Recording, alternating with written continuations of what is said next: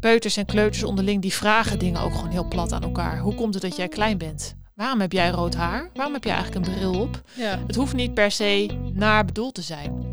Dus vul dat ook niet meteen in. Welkom bij de Opvoedkast. De podcast over alles wat je als ouder van jonge kinderen wil weten. Want tijdens de opvoeding van die kleine loop je tegen van alles aan. En dan is het fijn om af en toe een pedagogische hulplijn te hebben. Hallo iedereen en hallo Laurie. Hallo, Welcome back. dankjewel. Fijn dat je er weer bent. Ja, heel goed om hier weer te zijn. We hebben het vandaag samen over pesten. Ja. Waar gaan we het precies over hebben in deze aflevering? We gaan het hebben over wat pesten precies is. Wat is nou het onderscheid tussen pesten en plagen of gemeen gedrag. En daarnaast het belangrijkste, waar we ook de meeste focus op gaan leggen in deze aflevering, is wat kun je nou als ouder? Wat kun je doen om je kind wat gepest wordt te helpen? Maar ook wat kun je doen preventief om te voorkomen, al zeg ik er meteen bij, dat kun je nooit helemaal. Maar wat kun je doen om je kind eh, weerbaar te maken voor pesters? Dat zijn de topics. Eerst het eerste stukje. Wat is pesten precies? Wat verstaan we daaronder? Nou, dan begin ik meteen even met een definitie van pesten. NJI, het Nederlands Jeugdinstituut, die definieert pesten als een vorm van agressie waarbij geprobeerd wordt om iemand steeds, dus structureel en moedwillig, pijn te doen. Ehm, daar zijn twee termen vrij belangrijk in, het structurele stuk en het moedwillige. Dus echt met als doel iemand te kwetsen. En er zijn daarbij verschillende mensen betrokken. Dus je hebt de pester, de gepeste en omstanders. Ja. ja, en in deze aflevering hebben we het dus echt alleen over het gepeste kind. En eigenlijk eh, juist ook enkel over de ouders van het gepeste kind. Wat je Ja. als ouders kunt doen voor je gepeste kind. Ja, Als je nou vragen hebt over eh, pesters of een omstander of ehm, nou ja, nog meer verdiepende vragen, eh, twijfel dan niet om te mailen naar podcast.company.nl, want dan maken we gewoon een andere aflevering die over de andere delen van het grote onderwerp pesten gaat. Ja, want het is een heel groot onderwerp en we kunnen er lang over praten. Maar we hebben ons nu middels onze luisteraarsvragen echt gericht op een aantal specifieke ja, deelthema's binnen het topic pesten, zeg Ja. Nou ja, en uit andere definities komt eigenlijk ook steeds dat stukje weer naar voren. Dus het structurele, het herhaaldelijke, opzettelijke pijn doen van een ander. En ehm, ja, dit komt heel veel voor bij kinderen. In allerlei leeftijdsgroepen, in allerlei sociale klassen. Daar is niet zo heel veel verschil in te maken.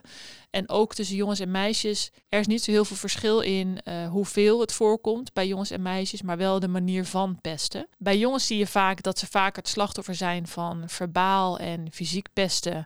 Ehm, bijvoorbeeld ook als ze fysiek zwakker zijn. Dus meer op, op hun kracht eigenlijk. En met verbaal bedoel je dan echt schelden Ja, bijvoorbeeld? schelden. En meisjes die pesten weer op een wat meer subtielere manier. En dat noem je wat meer sociaal pesten. Dus eh, roddelen, sociaal buitensluiten. En dat is in beide gevallen zowel offline als online.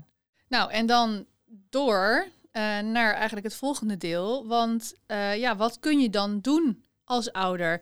En daar hebben we dus een heleboel luisteraarsvragen over eh, gekregen, ehm, die we allemaal bundelen in deze aflevering. Luisteraarsvragen die allemaal gaan over wat je kunt doen wanneer je kind gepest wordt. Eh, maar ook wat je kunt doen dus om de weerbaarheid van je kind te verhogen, eh, ter preventie dus. We beginnen met de eerste van Lotte. En Lotte die vraagt zich af, vanaf welke leeftijd beginnen kinderen met pesten? Pesten kan voorkomen vanaf ongeveer de leeftijd van plus minus vier jaar. Ehm, onder de vier jaar kun je eigenlijk sowieso nog niet echt spreken van pesten. Hoezo niet? jonge kinderen, dus onder de vier jaar, en het is een beetje een discutabele grens, want ook bij vierjarigen of vijf, zesjarigen kun je dat afvragen, maar die kunnen zich nog niet voldoende verplaatsen in een ander. En ze reageren vaak nog heel primair, dus heel erg egocentrisch, op zichzelf gericht.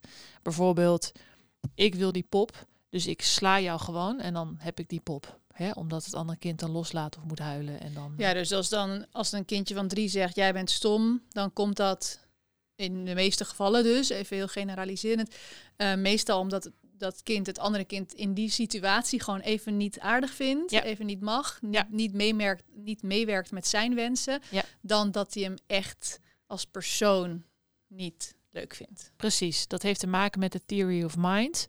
kinderen van die leeftijd, ehm, die kunnen nog niet zich zo verplaatsen in een ander dat ze begrijpen dat dat iemand kan kwetsen en wat de lange termijn gevolgen daarvan zijn. Ja. Dus ze denken vaak niet over de lange termijn effecten.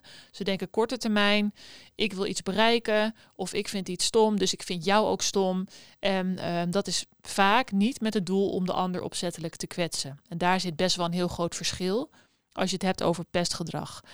Ehm, daarbij is ruzie of zijn conflicten in die leeftijdsfase eigenlijk heel erg belangrijk.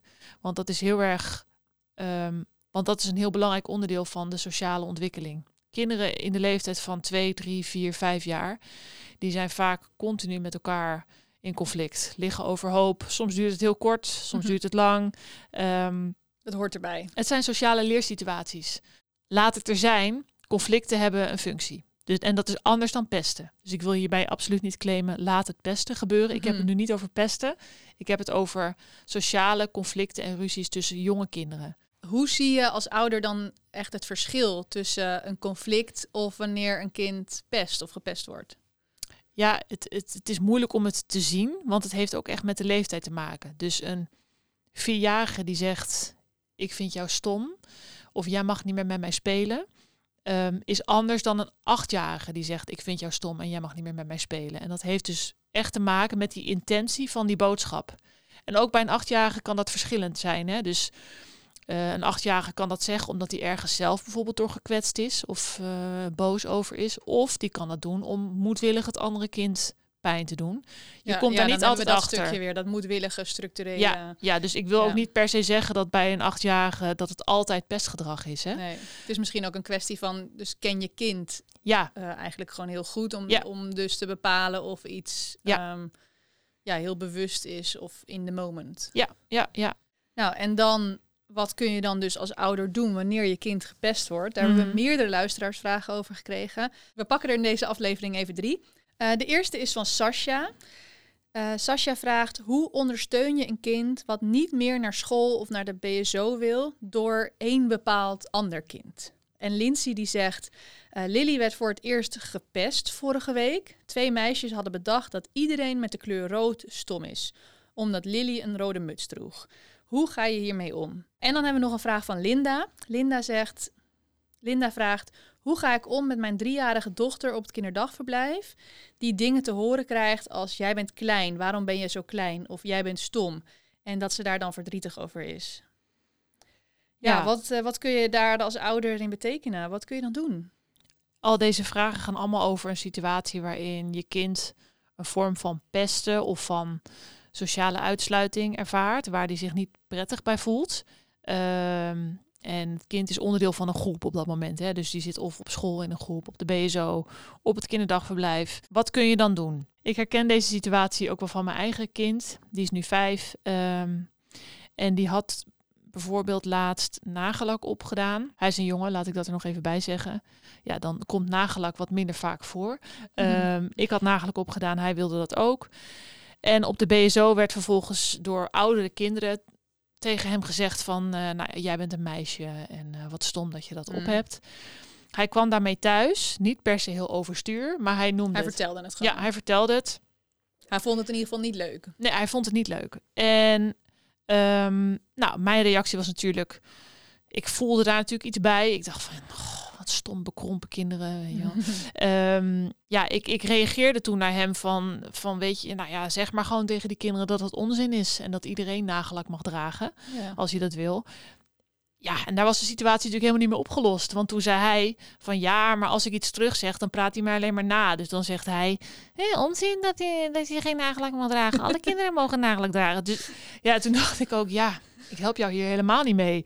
En, en Maar wat een... ja, toen dacht ik ook, wat een rotkind is dit. Dit is echt zo'n kind die gewoon, oh, nou ja, Ja. nogmaals, als ouder voel je daar van alles bij.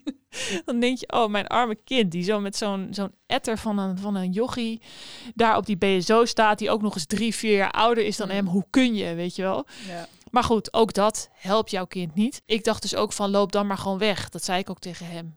Van, Ja. weet je, dan in zulke situaties kan je soms maar gewoon beter weglopen. Maar is dat voldoende voor je kind? Is dat niet makkelijk praten? Ja, dat is het ook. Want later, hè, dan evalueer je zo'n situatie ook weer even bij jezelf. Van ja, dat is inderdaad veel te makkelijk praten, wat jij ook zegt. Want ik erken ook eigenlijk helemaal niet hoe lastig dat voor hem is. En, en dat het voor mij misschien zo is van ja, nou, een beetje bij zo'n figuur moet je gewoon weglopen. Maar voor hem is dit iets, iets veel groters. Want hij zit op dat moment in zo'n situatie. Ja, loop dan maar eens weg. Ja. En wat is daar nou mee opgelost? Voor hem is dat ook helemaal niet te overzien. Nee, en sowieso voor jou is het misschien een onbenullige situatie. Uh, Mhm. Los omdat je het niet leuk vindt dat dit jouw kind over dat dit jouw kind overkomt. Maar eh, voor hem is het de hele wereld. Het Ja. Is, ja. Dit is zijn, zijn wereld en, en zijn spel en, en de, de mensen waarmee hij speelt. En ja, ik kan dan als volwassene denken van, oh, ik zou in zo'n situatie gewoon weglopen en denken, nou, deze persoon, daar ga ik geen aandacht meer aan besteden. Maar nee, dat- dus eigenlijk is het niet voldoende. Is het makkelijk praten om zoiets te zeggen als Ja. volwassene. Ja. Maar ja, wat moet je dan wel doen? Nou, hoe je beter kunt reageren, en heb ik mezelf ook even ter orde geroepen, ehm, is in eerste instantie om je eigen gevoel en de emoties die het bij je oproept, eventueel om die even te parkeren. Lukt misschien niet meteen, maar probeer dat wel even te doen. En het is meteen ook een lastige, want het roept vaak iets op. Ehm, dat kan te maken hebben met ja, dat je iets voelt bij jouw kind die, die benadeeld wordt om wie die is. Of misschien roept het iets op omdat je zelf een, een nare ervaring daarmee hebt gehad. Recentelijk of vroeger toen je zelf een kind was. Hoe dan ook, het kan iets bij je oproepen en dat is niet erg. Maar probeer dat even opzij te zetten. Eigenlijk moet je gewoon proberen om op dat moment een beetje objectief te blijven. Ja. Dus als je bijvoorbeeld eh, het voorbeeld van Linda hebt over waarom ben jij zo klein. Het kan ook gewoon een vraag zijn van een ander kind of, Ja. een, of een simpele constatering van iemand, Ja. eh, ouder of kind. Ehm, maar dat het dan dus bij jou iets oproept, Ja, wat dan naar boven komt. precies. Misschien in dit geval heeft eh, Linda vroeger ook een vervelende ervaring gehad. bij- waarbij zij gepest werd misschien met eh, dat ze klein was. En dan ga je dat natuurlijk meteen projecteren op je eigen kind. Terwijl inderdaad peuters en kleuters onderling die vragen dingen ook gewoon heel plat aan elkaar. Hoe komt het dat jij klein bent? Waarom heb jij rood haar? Waarom heb jij eigenlijk een bril op? Ja. Het hoeft niet per se naar bedoeld te zijn. Dus ehm, vul dat ook niet meteen in. Wat je dus beter kunt doen, is vragen stellen over de situatie. Dus toon interesse. Oh, oké, wat, wat vond je daarvan? Ehm, hoe voel je je daarbij? Of wat heb je gezegd? Dus niet meteen invullen, maar stel open vragen, zodat je ook meer te weten krijgt over hoe is die situatie dan gegaan? Wat was de context? Ja. Misschien heb je het antwoord dan al wel voorhanden. Want als jij vraagt hoe voel je daarbij en je kind zegt ja, Boeien. ja maakt me niet zoveel uit. Of eh, nou, ik zei gewoon eh, ik ben helemaal niet klein. Geen idee hè, maar dat kan. Ja. Dus dan zijn Misschien al- willen we ook te snel een oplossing aandragen, terwijl dat eh, helemaal niet nodig is. Ja, misschien wil je kind het gewoon even mededelen en Ja. is dat genoeg. En moet je, wil, wil die van jou dat je even luistert. Ja, dus vragen stellen. Ja, maar goed, in een van de luisteraarsvragen werd ook wel genoemd van eh, het, dat het kind daar verdrietig over was. Nou ja, dan merk je dus wel van hé, hey, dat, dat roept iets negatiefs op bij mijn kind. Dan kun je natuurlijk ook vragen van, ja, of benoemen ook hè, van ja, ik zie dat, dat je daar verdrietig over bent. Wat zou je anders kunnen doen of wat zou je anders willen? Dat je ook samen kunt zoeken naar van hoe zou je kunnen reageren als iemand zoiets tegen je zegt. Ehm, je kunt het ook naspelen. Dus je kunt het oefenen van oké, laten we het eh, laten we eens eventjes naspelen hoe dat ging. Kijk, dat doe je met een driejarige iets minder makkelijk dan Mhm. met een vijfjarige. Maar, ja, ehm, maar zo'n rollenspel is wel een optie dus. ja, zeker. Ja, ja, ja. En daarin kun je ook leren hoe je voor jezelf op kunt komen. Maar daar zullen we het zo ook nog even hebben, over hebben. En maak het vooral ook niet onnodig groter dan dat het is voor je kind. Dus, en daar kom je alleen maar achter door open vragen te stellen, niet te veel in te vullen en gewoon te kijken van, hé, hey, hoe, hoe beleeft mijn kind dit nou? Ja. Hoe groot is het voor hem? Hoe groot is het in deze context? Oké, dus wees objectief en maak het niet onnodig groter dan dat het is. Eh, erken de emoties van je kind en geef daar ruimte voor en, en ja, troost daar ook in waar nodig. Eh, stel je kind open vragen en toon interesse. En vraag ook wat had je bijvoorbeeld dus anders willen of kunnen doen. En eh, oefen de situatie door middel van een rollenspel. En wat kun je verder nog doen? Nou, dan komen we misschien ook op het preventieve stukje uit eigenlijk. En dus de volgende luisteraarsvraag. Eh, want Anna die vraagt, hoe maak je je kind weerbaar? Ja. We we beginnen even bij het begin. Wat is weerbaar eigenlijk? Een weerbaar kind is een kind die goed zijn grenzen aan kan geven en goed voor zichzelf op kan komen, maar ook een kind die om hulp durft en kan vragen. Oké, en hoe help je dan je kind om die weerbaarheid te vergroten? Hoe zorg je daarvoor als ouder? In eerste instantie is het vooral heel belangrijk dat ehm, jij zelf het goede voorbeeld geeft. Want kinderen kijken heel veel naar hun ouders. Ze zien meer dan dat ze luisteren naar wat je zegt, zeg maar. Ja, dus, misschien een ehm, open deur, maar ja. we benoemen hem toch? We zeggen het maar weer even. Wees je bewust van hoe jij met andere mensen omgaat. Hoe communiceer jij nou respectvol met een ander? En hoe ga jij om met een reactie van iemand die je niet leuk vindt? Of iemand die uh, in het verkeer op jou scheldt? Of weet ik het wat. Um, dat zijn echt al de momenten waarin jouw kind ziet van hé, hey, zo kun je dus reageren als iemand jou vervelend bejegent. Of ja. uh, nou, dat is eigenlijk al heel belangrijk. Um, daarnaast is dat rollenspel, dus een, een, sociale situatie naspelen. Dat kan een hele leuke uh, vorm zijn om samen met je kind te oefenen van ja, hoe kun je nou reageren in zo'n situatie? En daarin kan je een situatie pakken die je kind bijvoorbeeld recentelijk heeft meegemaakt. Tikkertje op het schoolplein en uh, een ander kind zegt tegen jouw kind: nee, jij mag niet meedoen. Mm -hmm. Nou ja, ga het maar eens naspelen. En doe dan eerst uh, een situatie waarin je niet voor jezelf opkomt. Dus bijvoorbeeld, wat doe je dan? Nou ja, ik loop weg en ik ga in een hoekje staan. Of ik ga huilen. Of uh, ik, ik trek me terug. En zeg dan ook van, je kan het ook anders doen. Door voor jezelf op te komen. Wat doe je dan? En speelt dat dan ook na. Dus uh, zeg, ik mag wel meedoen. Ik weet het eigenlijk niet. Ja, wat, wat, wat is nou voor jezelf opkomen in zo'n situatie? Jij mag um, niet meedoen met tikkertje. Ik mag, zo, ik mag het wel, is wel meedoen. typerend eigenlijk. Dat, dat je ziet dus hoe moeilijk ja. het is om, om tekst te bedenken. Ja. Om voor jezelf op te komen. Ik zit echt, echt letterlijk nu te denken. Wat zeg je dan? Nou ja, dat kan je dus ook tegen je kind zeggen. Ik moet er ook even over nadenken. Ja. Ik snap best dat je daarmee worstelt. Ja, want dat je daar ook gewoon eerlijk in ja, bent. Ja, want nu... Je hoeft nu, het niet altijd paraat te hebben. Nu wij dit als voorbeeld bespreken, denk ik ook van... ik heb dit ook even helemaal niet paraat. Nee. Wat als iemand gewoon letterlijk in je gezicht... want zo doen kinderen dat. Mm -hmm. Die zeggen gewoon in je gezicht... Jij mag jij niet mag meedoen. niet meedoen. Ja. Punt. Ja, dan, Ja, sta wat je, je dan? dan? Dan ben je natuurlijk even een soort van uit het veld geslagen. Ja, sta je met je mond vol tanden. Dus eigenlijk is dit een heel goed voorbeeld. Zeg ook tegen je kind, ik snap dat dat heel lastig is. Want ik kan zo ook even niet bedenken wat je dan zou moeten zeggen. Kun je het ook met elkaar over hebben. Vraag het ook aan je kind. Van wat, wat zou je nou wel kunnen zeggen? Misschien komt je kind wel met ideeën waar die op dat moment niet opkwam. Maar nu in een rustige setting komt hij met dingen waarvan je denkt, ja, dat is een goeie. Dus het open gesprek en de tijd ervoor nemen is denk ik heel fijn. Oké, maar als we dus nu even heel praktisch een tip willen geven voor wat je je kind kan meegeven Mhm. bij het oefenen van zoiets, wat zou je kind dan kunnen zeggen? Ja, ik denk dat je je kind dan wil meegeven, laat het er niet bij zitten. Als jij dat zo voelt, van ik ben het er niet mee eens, nou dan laat je het er ook gewoon niet bij zitten. Ga het gesprek aan. Dus dan kan je vragen, oh, waarom mag ik niet meedoen? Of, wat een onzin, ik mag ook gewoon meedoen met tikkertje. Ja, of eerlijk zeggen van dat is echt heel onaardig dat je dat zegt. Of Ja. vind ik helemaal niet leuk. Of Ja. wat, wat stom dat je dat zo Ja. tegen mij zegt. Ja, en dan kan natuurlijk, dat kun je je kind ook meegeven. De situatie kan dan alsnog zijn dat de ander voet bij stuk houdt. Nee, want jij mag niet meedoen. Of dat je het he- alsnog helemaal niet eens bent met het argument van de ander. Maar dan heb je in ieder geval wel je kind geleerd van je hoeft niet zomaar te accepteren als iemand zo naar tegen je doet. Ja. Je kunt een weerwoord geven. Ja. ja, en daar gaat het weerwoord, Daar gaat het om, Ja, ja. dat is het punt. Nou, wat je ook kunt doen is, ehm, wat heel belangrijk is in het stukje weerbaarheid, is het zelfvertrouwen van je kind helpen te verhogen, vergroten. Ehm, dat kan je onder andere doen door je kind te stimuleren om zelf na te denken over oplossingen, over Ja, dus het niet te snel kant-en-klaar neer te leggen. Het niet te snel over te nemen als ouder. Ja, dus laat je kind, hoe hard dat misschien ook klinkt, ook falen. Geef hem de ruimte om soort van ehm, een teleurstelling te ervaren. En ook letterlijk en figuurlijk te vallen. We hebben hier ook een aflevering over gewijd toen over risicovol spel. Dat is aflevering 19. Eh, als luisteraars het leuk vinden om daar meer over te horen. Maar het belang ja, dat sluit hier een beetje op aan. ja, je? het belang dat kinderen ook gewoon mogen vallen. Dat jij niet als ouder continu met de beschermende hand om je kind heen moet staan.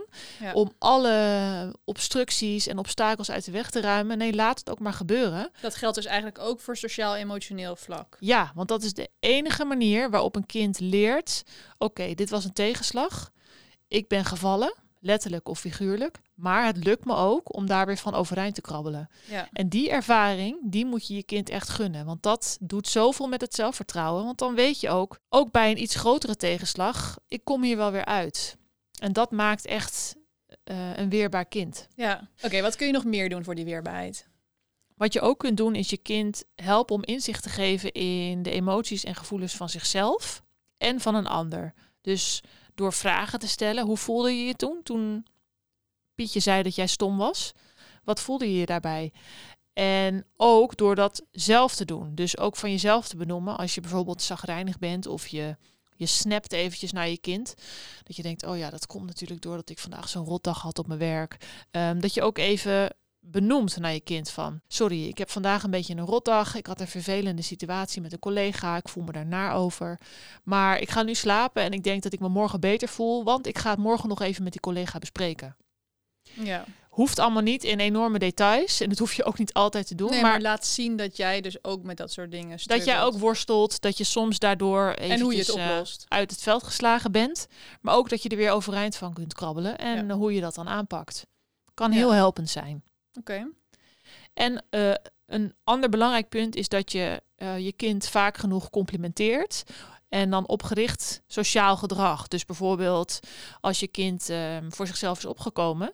Dat je zegt van joh, wat knap dat je zo duidelijk nee zei toen je dat niet wilde. Of um, wat fijn dat je je buurjongetje hielp toen, toen jij zag dat het me even niet lukte. Dus heel concreet. Ja, echt op heel concreet sociaal gedrag. Als je dat okay. complimenteert, dan maak je je kind ook bewust van dat dat heel mooi en wenselijk gedrag is op sociaal vlak. En dat is extra belangrijk omdat ook uit onderzoek is gebleken dat uh, kinderen die minder prosociaal gedrag laten zien, dus die minder vaardig zijn op dat vlak, dat die vaker uh, slachtoffer zijn van pestgedrag. Oh. Dus het ondersteunen van je kind bij die sociale vaardigheden en on het ontwikkelen daarvan kan ook heel erg helpen ter uh, preventie van pesten. Hmm, interessant. Nou, behoorlijke adviezen Weer ook voor dit stukje, dat preventieve stukje. Ik wil nog één ding noemen hierbij. We hebben deze, deze grote topic van pesten hebben we natuurlijk in een relatief korte podcast behandeld. Ik realiseer me heel goed dat dit voor sommige ouders en sommige luisteraars veel groter is dan dat wij nu noemen. Dus ik wil graag nog even extra benadrukken dat als jij als luisteraar je herkent in dit verhaal of je hebt een kind wat gepest wordt en daar maak je je echt serieus zorgen over, op onze website staan twee links naar de website van Stop Pesten Nu en het NJI, die je mogelijk verder kunnen helpen in de zoektocht naar andere hulpbronnen. Want het is heel, kan heel complex zijn en uh, moeilijk om alleen uit te komen. Dus zoek ook vooral hulp. Nou, mooie toevoeging denk ik. Voor nu heel erg bedankt voor het luisteren. En mochten jullie aanvullende luisteraarsvragen hebben, dan uh, horen we die graag. Tot de volgende keer. Tot de volgende keer.